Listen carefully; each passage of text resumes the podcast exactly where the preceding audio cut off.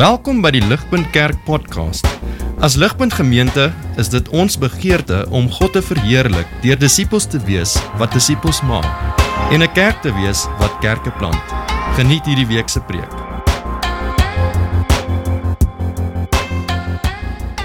Ons is nou in die tweede week van ons reeks in 2 Petrus. 2 Petrus is 'n amazing klein boekie. Ons het verlede week gekyk na vers 1 en 2. Uh vanoggend kyk ons na die res van van hoofstuk 1 en die en die reeks is getitel 'n standvaste geloof. Ehm um, nou ek wil graag vir ons twee foto's wys ehm um, in ons tuin. Ek is baie trots op hierdie. Dit is die enigste foto wat ek wel kan wys van my tuin. Ehm um, die aan die linkerkant het ons 'n uh, 'n wingerdstok wat 4 jaar oud is. Um, aan die regterkant onder het ons 'n wingerdstok wat 6 jaar oud is. Ehm um, die hulle staan langs mekaar in ons tuin. Hulle kry eweveel son, hulle kry eweveel bemesting, hulle kry eweveel water. Maar soos julle kan sien, die een groei en die een groei nie. Ek gaan vir julle 'n foto van naderby wys aan die 6-jarige. Hierdie een is 6 jaar oud. Hy is die ou een. Ehm um, en soos julle kan sien, hy groei nie. Die een aan die linkerkant ehm um, hy floreer. Hy floreer, hy groei, hy het daar's 'n koraalboom agter hom en uiteindelik laas jaar het hy in die koraalbome in opgegroei en daar's 'n geelhoutboom aan die aan die regterkant daar agter en hy het in die hy het in die ehm um, in die geelhoutboom ook opgegroei. Ons moes hom terugsnoei. Ehm um, en in die winter het hy sy blare verloor soos soos alle wingerdstokke. Ehm um, maar sy wortelstelsel moet baie sterk wees want hy het, hy het, hy het ontpop en kyk hoe dit alweer gegroei en, hy so trek met blare en vrugte en ons is nou eers in Oktober. Ehm um, het in 'n maand weer so uitgestoot. Die kleintjie, die kleintjie regs agter, uh die kleintjie daar regs onder is is 6 jaar oud. Ehm um, hy het nog nooit vrugte opgelewer nie. Hy het nog nooit gegroei nie. Ek het hom nog nooit gesnoei nie. Hy lyk maar net soos wat hy nog altyd gelyk het. Van die dag af wat ek hom geplant het, lyk hy net so. Ons het eintlik gedink hy was dood. Ons het hom amper uitgehaal en hy het net betyds 'n blaartjie uitgestoot sodat ons kan weet daar is, daar's iets daar maar ehm um, hy groei verseker nie en hy het verseker hy dra verseker nie vrugte nie. Nou daar's twee twee wingerdstokke. Uh die een groei laat klap en hy so trek met vrugte. Die ander een het nog nooit gegroei nie en hy het nog nooit vrug gedra nie. Ehm um, en soos wat julle seker weet, dit is 'n prentjie, dit is 'n prentjie van die Christenlewe ook.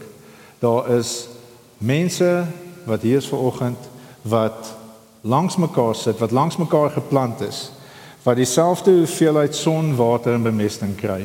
En van ons groei en dra vrug en van ons lyk net soos wat ons 6 jaar terug gelyk het. Wat gaan aan? Hoekom groei van ons en van ons nie? Hoekom groei sekere wingerdstokke laat dit klap en ander lyk maar net soos wat hulle gelyk het? Um Hoekom groei ons nie in geestelike volwassenheid nie? Vanoggend se teks help ons om um, geestelike groei te verstaan. Dit help ons om die Petrus moedig ons aan om alles in die stryd te werp om geestelik te groei en vrug te dra. Um sodat ons geloof standvastig kan wees en sodat ons staande kan bly in 'n gebroke wêreld. En so ons gaan vanoggend twee vrae vinnig beantwoord. Ons gaan um in vers 3 tot 7 die vraag beantwoord: Hoe kan ons geestelik groei?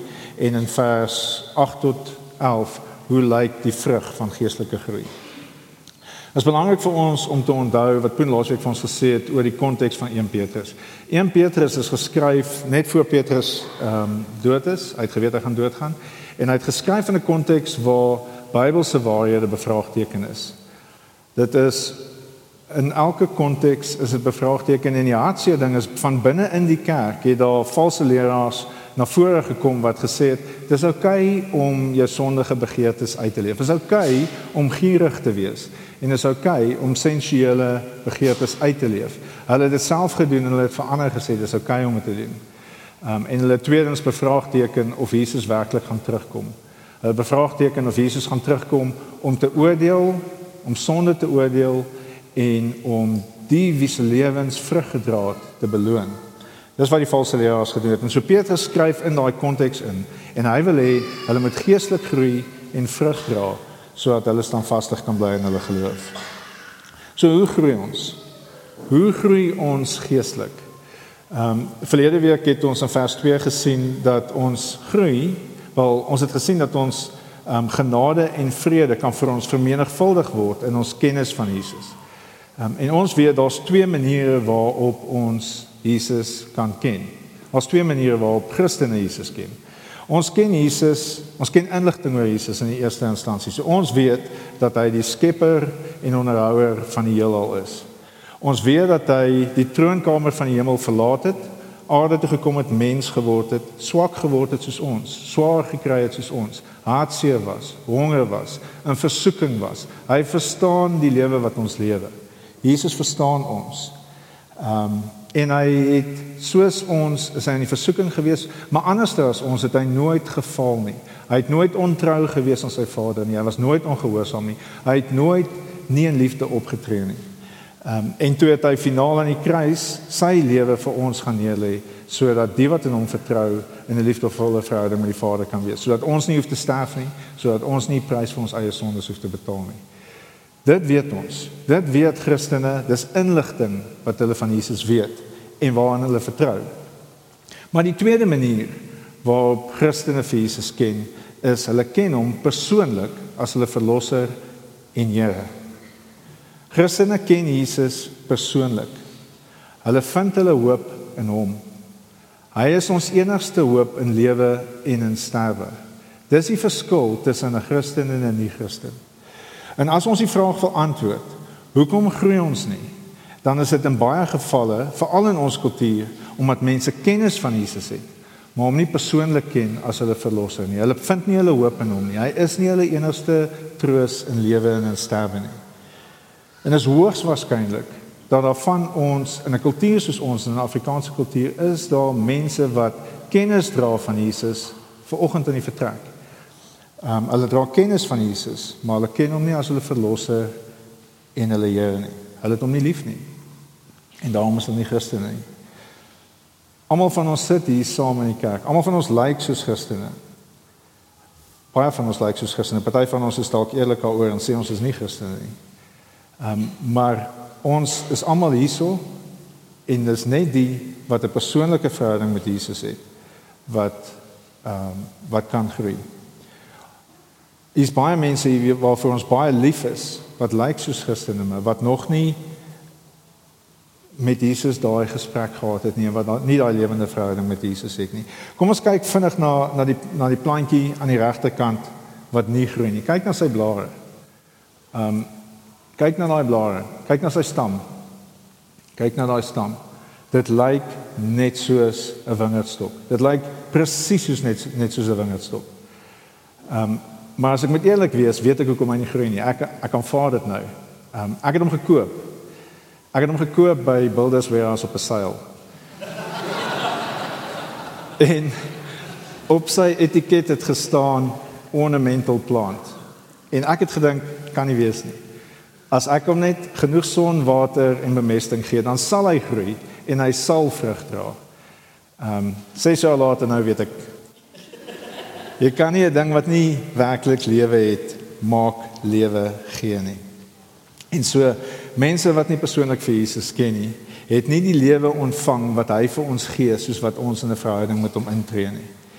Kom ons lees, kom ons lees vers 3 en 4 saam sodat ons kan sien wat dit is wat Jesus doen soos wat ons ons persoonlike 'n persoonlike verhouding met hom het.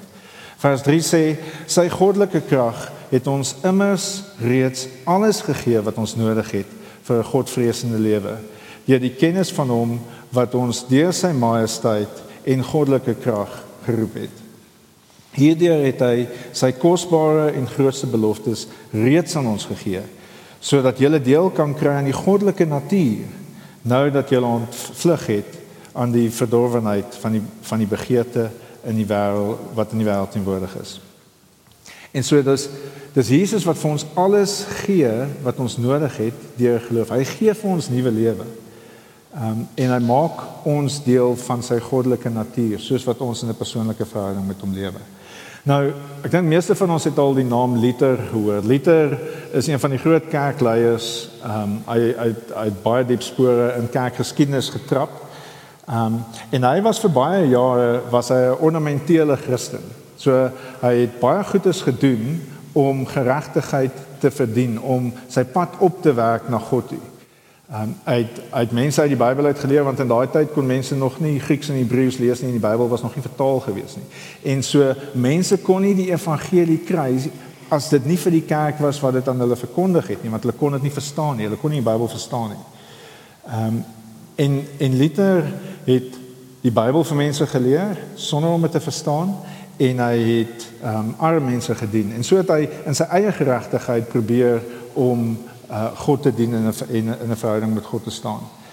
Ehm um, maar hy het later in sy lewe besef dit is nie wat ware geestelike lewe is nie. Hy het eers later verstaan dat dit nie sy goedheid is wat hom red nie. Dis Jesus se goedheid wat vir hom gereken word wat hom red. Ehm um, en toe hy dit besef uit Romeine 1 vers 17 toe daar 'n nuwe geestelike is daar 'n nuwe geestelike lewe in hom ingeblaas. Daar's hy het, hy is wedergebore. Tim Keller skryf hierdie oor oor Luther se ervaring. Hy sê Luther suddenly realized being born again did not mean to be righteous but to receive the righteousness God gives you because Jesus Christ accomplished it on the cross. And to receive what Luther called an alien righteousness into his life was the way in which you could be acceptable before God. He said, The minute I realized that, I felt I was ushered into the, ga- into the gates of paradise, and he was born again. Dis die lewe waarvan vers 3 praat. Dis die lewe wat Jesus vir ons gee, soos wat ons ons vertroue in hom plaas. Soos wat ons hom nie net intellektueel ken nie, maar persoonlik ken, persoonlik leer ken. En gebed is die manier waarop ons vir Jesus persoonlik leer ken. Ehm um, daar ek en ek en Willem geniet dit om Chicago Fire te kyk. Ons hou van stories waar die goeies wen. Ehm um, en so in Chicago Fire is dit is dit brandweermanne en hulle red hulle red elke episode mense se lewens. En die manier waarop hulle mense se lewens red is hulle um, hulle storm in 'n brandende gebou en hulle storm in enige gevaarsituasie in en dan sê hulle fire department call out en die mense wat gered wil word roep uit na hulle toe en dan red hulle hulle. En dit werk dieselfde vir ons as mense. Mense wat besef hulle het redding nodig, mense wat no besef hulle het Jesus se verlossing nodig, roep uit na Jesus toe. Hulle bid tot Jesus en hulle vra vir hom: "Here, Dankie vir u opoffering vir my. Sal u asseblief u perfekte lewe vir my laat tel? Ehm um, sal u my asseblief net maak? Sal u my isen maak? Dis hoe ons tot bekering kom. Dis in een sin baie onindrukwekkend. Niemand sal dit eers weet nie. Niemand kan dit eers sien as hulle net na jou kyk nie.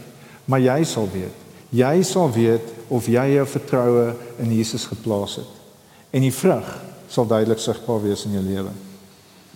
Die verskil tussen ewige sterwe, ewige dood en ewige lewe is vertroue in Jesus. Johannes 17 vers 3 sê en dit is die ewige lewe dat hulle U ken, die enigste ware God en ook hom wat U gestuur het, Jesus Christus. En so ons kweek hierdie verhouding met Jesus deur sy woord te lees, dis hoe hy met ons praat en deur met hom terug te praat in gebed. Dis hoe ons 'n gesonde verhouding met Jesus kweek. En so die eerste manier wat ons kan groei, wat ons kan seker maak dat ons groei, is deur Jesus persoonlik te ken.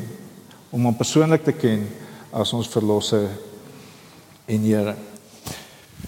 Die tweede manier waarop ons kan groei is in vers 5 tot 7.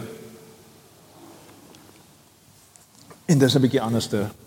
Die vers 3 en 4 sê ons ontvang alles wat ons nodig het en vers 5 en 7 sê ons moet alles in die stryd werp om te groei. Vers 5 sê lê juis daarom alle ywer aan die dag om by julle geloof deeg te voeg, by deeg insig, by insig selfbeheersing, by selfbeheersing volharding, by volharding godvreesenheid, by godvreesenheid broederliefde en by broederliefde liefde vir alle mense. So hoe lyk dit om alle ywer aan die dag te lê? Die Engels sê to make every effort. Hoe lyk dit? Ek dink van ons ehm um, het al alle ywer in die dag gelê om skool klaar te maak of om 'n raadseksamen te slaag of om die comrades te doen of om eisterman te doen of om uh, besigheid op die been te kry. Ek dink ons het al alle ywer aan die dag gelê. Baie van baie van ons lê alle ywer aan die dag om ons kinders 'n uh, behoorlike opvoeding te gee. En daai is goeie goed is om te doen. Dis wonderlike goed is om te doen. Maar ons moet besef dat omdat ons nuwe lewe van Jesus ontvang het en in die koers van ons lewe is 180 grade omgedraai, het ons nodig om alle ywer aan die dag te lê om geestelik te groei. Ons het nodig om in hierdie sewe eienskappe te groei wat Jesus se eienskappe ego. Ons deel in sy lewe, ons deel in sy geestelike lewe. Ehm um, en daarom moet ons nie, moet ons alle ywer aan die dag lê om in hierdie sewe eienskappe te groei. Die eerste eienskap, ons gaan vinnig deur al sewe eienskappe gaan. Die eerste eienskap is virtue. Virtue of deeg, deeg is 'n bietjie minder verstaanbaar as ehm um, as virtue. Ehm um, maar die maar die idee is presies dieselfde as daai idee in ehm um, in vers 3 wat sê ons deel in Jesus se glory and excellence. Daai excellence is virtue. Ehm um, dit kan ook vertaal word as moral goodness of uprightness. En so waar ons geroep word in vers 5 is om alles in die stryd te werp om excellent te wees, om moreel uitstekend te wees, om 'n eerbare persoon te wees, om iemand te wees na wie mense opkyk en respekteer. Ons moet alles in die stryd werp om dit te wees. En dit dis nie heeltemal hoe ons kulturele Christendom verstaan nie. Kulturele Christendom sê ehm um, ons doen so 'n transaksie ons kom kerk toe, ons stukkie boksie, ons is 'n Christen. Jesus red ons wanneer ons doodgaan, maar in die tussentyd lewe ons vir onsself. En ons doen wat ons wil. Dis nie wat hierdie sê nie. Hierdie sê ehm um, ons het nodig om alles in die stryd te werk om soos Jesus goeie mense te wees. Ons is nie goeie mense om gered te word nie. Ons is goeie mense omdat ons gered is. Die kultuur waarin ek groot geword het, ehm um, het meeste mense Sondag kerk toe gekom, almal het bietjie gesweet in hulle pakke en dasse. Ehm um, en as daai sonna verby was, dan kon hulle huis toe gaan en hulle kon doen wat hulle wil en volgende Sondag kom hulle terug. En in die die hartseer of die tragedie van dit is, daar was bitter min mense wat ek geken het waar ek kon sien Jesus se lewe is aktief besig in daai persoon se lewe. Dis 'n tragedie. Ons word gered om sout en lig te wees. En ons word geroep om alles in ons in die stryd te werk om dit wel te wees. Ehm um, die tweede eienskap wat ons moet najag is insig of knowledge. Insig is is toegepaste kennis, is geestelike insig. Dit is ons wat verstaan hoe God se wêreld werk. Ons verstaan wat God se wil is vir die wêreld en ons weet hoe om in lyn met sy wil te lewe. En dis iets wat wat ons in moet groei ons ons word gevorm in 'n baie groot mate deur deur ons skoolstelsel en ons kultuur en ons het nodig om die Bybelse waarhede van toepassing te maak op ons lewe. En die vraagstukke wat ons daagliks in die gesig staar. Ons het nodig om gevorm te word in ons denke deur die Bybel. En ons het nodig om by ander te leer hoe dit lyk om God se wil te doen. Um 'n goeie boek wat wat ek in die laaste tyd aangeraak het en wat wat ek baie sterk kan aanbeveel is ehm um, Sarah McLachlan se se secular creed. Sy raak aan aan konsepte wat wat ons nog nie heeltemal ehm um, ons weet daarvan, maar dit is nog nie vir ons 'n probleem nie. Ons kinders kom nog nie noodwendig met die vrae na ons nie, maar sy raak aan goeie soos Black Lives Matter, Love is Love, LGBTQ En sy help ons om te weet wat die Bybel sê, hoe om nederig in liefde te reageer en hoe om as 'n groeiende Christen wat wat insig het in die wêreld en met nederigheid mense kan help om na God toe te wys. En sien so om 'n Christen te wees, moet ons alle ywer aan die dag lê om in insig te groei sodat ons lewens kan vrug dra. Die derde ding ehm um, waarin ons moet groei is selfbeheersing. En selfbeheersing is 'n baie goeie ehm um, indikasie van waar ons is, hoe dit met ons geestelik gaan. Vers 4 sê in die ESV having escaped the corruption that is in this world because of sinful desire. En soos wat ons ehm um, sukkel met selfbeheersing, vergeet ons wie ons is. Ons vergeet wat Jesus vir ons gedoen het en ons ons vergeet ons is vrygemaak van ons sondige natuur en ons laat toe dat die sonde weer terugkom in ons lewens. Ons laat toe dat ons sondige begeertes meer van 'n sê het in ons lewens as die gees van God. Ehm um, en en ek dink ek het vanoggend drie vinnige gesprekke gehad vanoggend by die kerk waar ek kon agterkom dat mense verkeer onderdruk en selfbeheersing is baie moeilik. Selfbeheersing is baie moeilik soos wat ons druk ervaar. Dit is baie maklik as ons alleen rustig op 'n date night sit en dinge gaan goed. Ehm um, maar wanneer ons by die huis kom na werk en ons voel gestretch en ons voel magteloos en dinge is nie soos wat ons dit wil hê nie, ehm um, dan reageer ons op maniere wat ons nie op wil reageer nie. Ehm um, ek het in die week in die laaste 2 weke ehm um, met 'n hele klomp paas gepraat wat sê hulle sukkel met selfbeheersing. Hulle sukkel om nie gefrustreerd te raak en hulle frustrasie te wys en uithaal op die wat hulle veronderstel is om te lei en lief te hê. Selfbeheersing is 'n baie moeilike ding. Ehm um, maar dis ook 'n baie goeie indikasie van waar ons staan met Jesus. Ek dink is 'n goeie ding dat ons onder druk verkeer. Want as dit net maklik gaan, dan kan ons in die waan lewe dat dit met ons goed gaan. Geestelik goed gaan. Maar wanneer ons onder druk verkeer, het ons nodig om by Jesus ons krag te vind. Ons het nodig om na hom toe te gaan en te onthou wat hy gesê het. Net voordat hy in Matteus 28 opgevaar het hemel toe, het hy gesê, "All authority on heaven and on earth has been given to me, and I will be with you till the very end of the age." Jesus is met ons. Hy is daar vir ons en ons ontwikkel ons verhouding met hom soos wat ons na hom toe kom vir krag en genade om ons te help om selfbeheersing te hê. Selfbeheersing help ons om die foute wat ons gemaak het reg te maak. Dit help ons om nederig te wees eerder as gewelddadig of ehm um, of of woedend. Selfbeheersing help ons om reg te maak waar ons verkeerd was. Maar om selfbeheersing te hê, het ons die gees van God nodig om ons rustig te maak en ons kalm te maak en ons sterk te maak. Selfbeheersing is die vierde ding waarna ons moet groei en waarvoor ons Jesus nodig het. Dit is die derde ding waarna ons moet groei waarvoor ons Jesus nodig het. Die vierde ding is volharding of steadfastness. Dis die tema van die hele brief. Petrus skryf die brief vir hulle om te weet dat hulle standvastig moet bly in geloof, deur te groei en vrug te dra. Ehm um, volgende week te vaste hou aan die waarheid en die week daarna deur te lewe aan die hand van Jesus se terugkeer. En so volharding is die ding waar soos wat ons al hier goed is doen, ehm um, waar ons sal sal groei. Ehm um, die vyfde ding is Godvreesenheid en ek dink daar moet ons dalk 'n rukkie langer stil staan. Godvreesenheid is ehm um, is nie 'n term wat ons baie gebruik nie. Ehm um, godliness is iets wat ons 'n klein bietjie meer gebruik, maar dit is nie noodwendig iets wat ons almal verstaan wat ons bedoel as ons sê ons moet groei in godliness nie.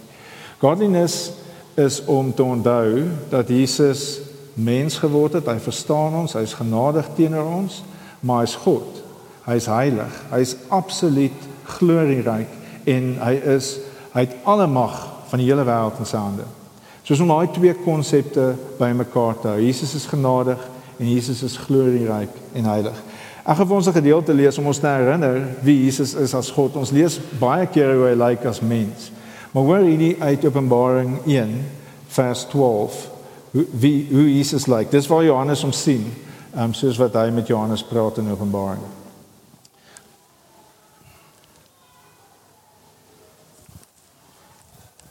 Then I turned to see the voice that was speaking to me. And on turning, I saw seven golden lampstands. And in the midst of the lampstands, one like a son of man, clothed in a long robe and with a golden sash around his chest. The hairs of his head were white, like white wool, like snow. His eyes were like a flame of fire. His feet were like burnished bronze, refined in a furnace. And his voice was like the roar of many waters. In his right hand he held seven stars. From his mouth came a sharp two edged sword, and his face was like the sun shining in full strength. When I saw him, I fell at his feet as though dead. Dit is wat gebeur wanneer mense Jesus in sy glorie sien. Hulle val by sy voete neer asof hulle dood is. Johannes is nie die enigste ou wat dit gedoen het nie reg deur die evangelies sien ons mense wat 'n glorie kry van Jesus se 'n kykie kry van Jesus se glorie en dan val hulle by sy voete neer asof hulle dood is. Hulle besef hulle is nie waardig om in sy teenwoordigheid te wees nie. Ehm um, maar ons sien ook in hierdie gedeelte dat Jesus is hy's glorieryk, maar hy's genadig. Vers 17 eindig, "But he laid his right hand on me, saying, Fear not, I am the first and the last, and the living one. I died, and behold, I am alive forevermore, and I have the keys of death and Hades." So Jesus is glorieryk, um, maar is genadig. En so vir ons om in Godvreesenheid of in godliness te groei, moet ons onthou dat Jesus is waardig van ons totale toewyding. Ons alwaardige pogings is nie goed genoeg vir die skepper van die heelal nie. Maar hy is genadig ook en hy verstaan ons is swak.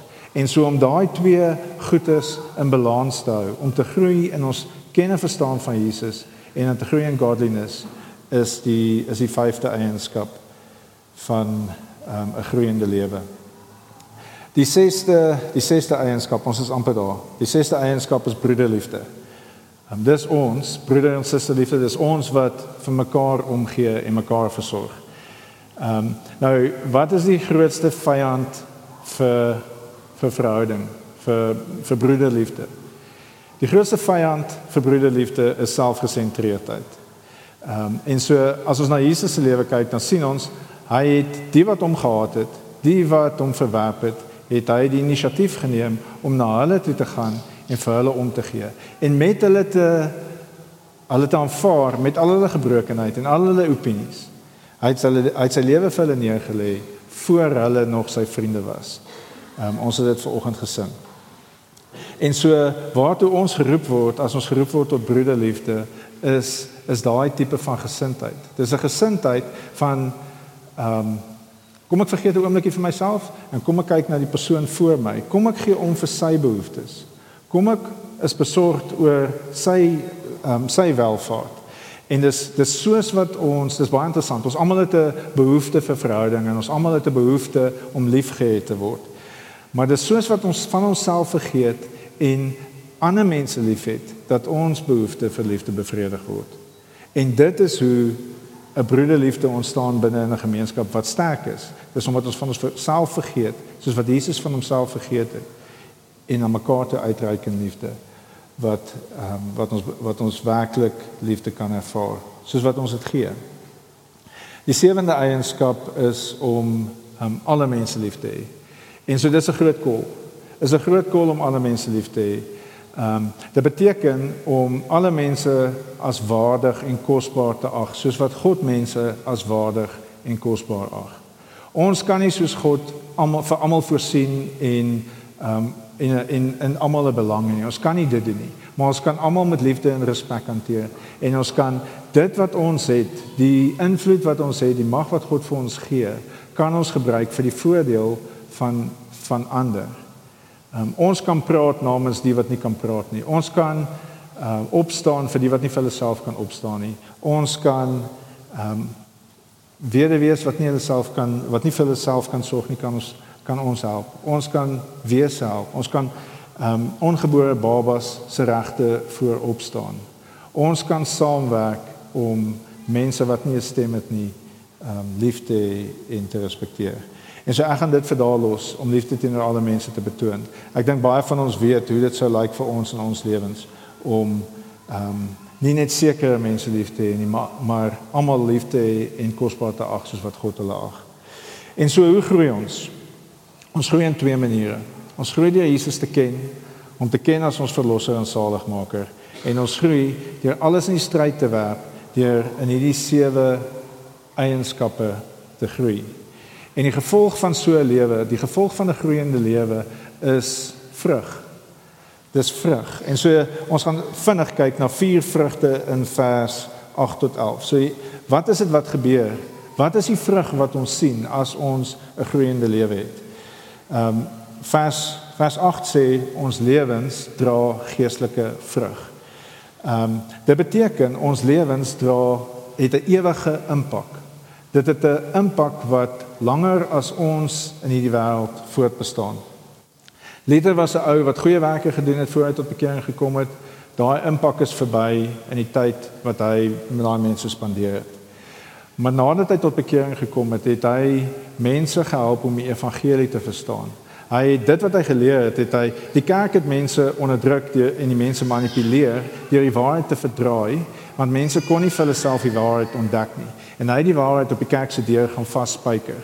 En hy het gehelp dat die die Bybel vertaal word in die taal van die mense sodat die mense die evangelie kan verstaan, sodat die mense gered kan word. Hy het die wêreld uitgehelp om die wêreld te vat van duisternis wat nie vir Jesus ken nie na lig. En hy en die rol wat hy gespeel het is in 'n groot mate die rede hoekom ons ver oggend hier kan sit. Is as gevolg van die vrug van sy bediening. Ehm um, en en ons het dieselfde kans. Ons het dieselfde kans. Dis verstommend om te dink. Ehm um, ons lewens as ons aanhou groei kan ons lewens geestelike vrug dra. Ehm um, ons kan dalk naby in die huis begin. So ek dink baie van ons ehm um, kan of van ons kan getuig dat ons ouers se geestelike groei vrug dra in ons lewens. Iets waarvoor ons baie dankbaar is. En dis dalk die plek waar ons moet begin. Dis 'n plek waar kom ons wees ouers wat se kinders kan sê, ehm um, my ouers se geestelike groei dra vrug in my lewe. Kom ons wees sulke ouers. So ons lewens kan geestelike vrug dra um, as ons aanhou groei. Uh die tweede ding, die tweede vrug wat ons kan sien is in in vers 9 en dit is 'n interessante vrug. As ons aanhou groei, dan val ons nie vas in sonde nie. Um, nou om 'n illustrasie te gebruik, uh my kinders is mal oor daai daai daai rolbane by die lugbaan. Ehm um, dis 'n goed wat so rol en dan vat hulle jou van die een hek na die ander en so jy gee 'n tree en dan lyk like, voel dit of jy so 'n lang tree gee, jy gaan so vinnig. Ehm um, en dan beweeg jy vinniger dan kom jy betyds by jou by jou hek aan. Ehm um, nou ehm um, my kinders is is soos meeste van ons hulle hou daarvan om teen die stroom te gaan. Ehm um, en so dis vir hulle die lekkerste ding in die wêreld om teen daai goed op te loop en te kyk of hulle vooruitgang kan maak. En en dis hoe dit is as ons geestelik groei met ons geestelike lewens. Ons kan teen die stroom van die samelewing gaan as ons geestelik groei en ons kan 'n impak hê. Maar as ons stil staan, as ons nie geestelik groei nie, dan is dit asof ons beheer verloor. Ons raak gedesoriënteerd. As jy stil staan op 'n ding, dan gaan jy eintlik baie vinnig agteruit. Ehm um, en in vers 9 sê ons raak as ons as ons nie geestelik groei nie, dan raak ons kortsigtig. Ehm um, en ons vergeet dat ons van ons sonde gereinig is en ons word weer vasgevang in ons ou sondes. En so die Christenwandel is of vooruitgang of agteruitgang. Die vrug van geestelike groei is dat ons nie terugval. Die tweede een is dat ons nie terugval in ons in ons ou sondes nie. Die derde een en dis 'n baie kosbare een. Die derde vrug is in vers 10 en dis geloofsekerheid. Geloofsekerheid is is is ons enigste troos in lewe en dood. Wanneer alles anders uitmekaar uitval en wanneer dit voel asof niks meer sin maak nie, dan is daar die een ding wat ons waar, waar ons altyd hoop kan vind en dit is dat Jesus in beheer is en dat alles ten goeie vir ons sal meewerk en dat ons sy kinders is.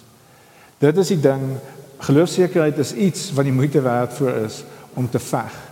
En ons veg vir geloofsekerheid deur te veg vir groei in ons lewens, deur tyd te investeer in Jesus en deur te deur die deur te investeer in in die vorige sewe eienskappe. Ehm um, die laaste vrug van geestelike groei is in vers 11 Ehm um, en dit is dit is ons wat soos wat ons by die poorte van die hemel kom, 'n ryklike ontvangs ontvang.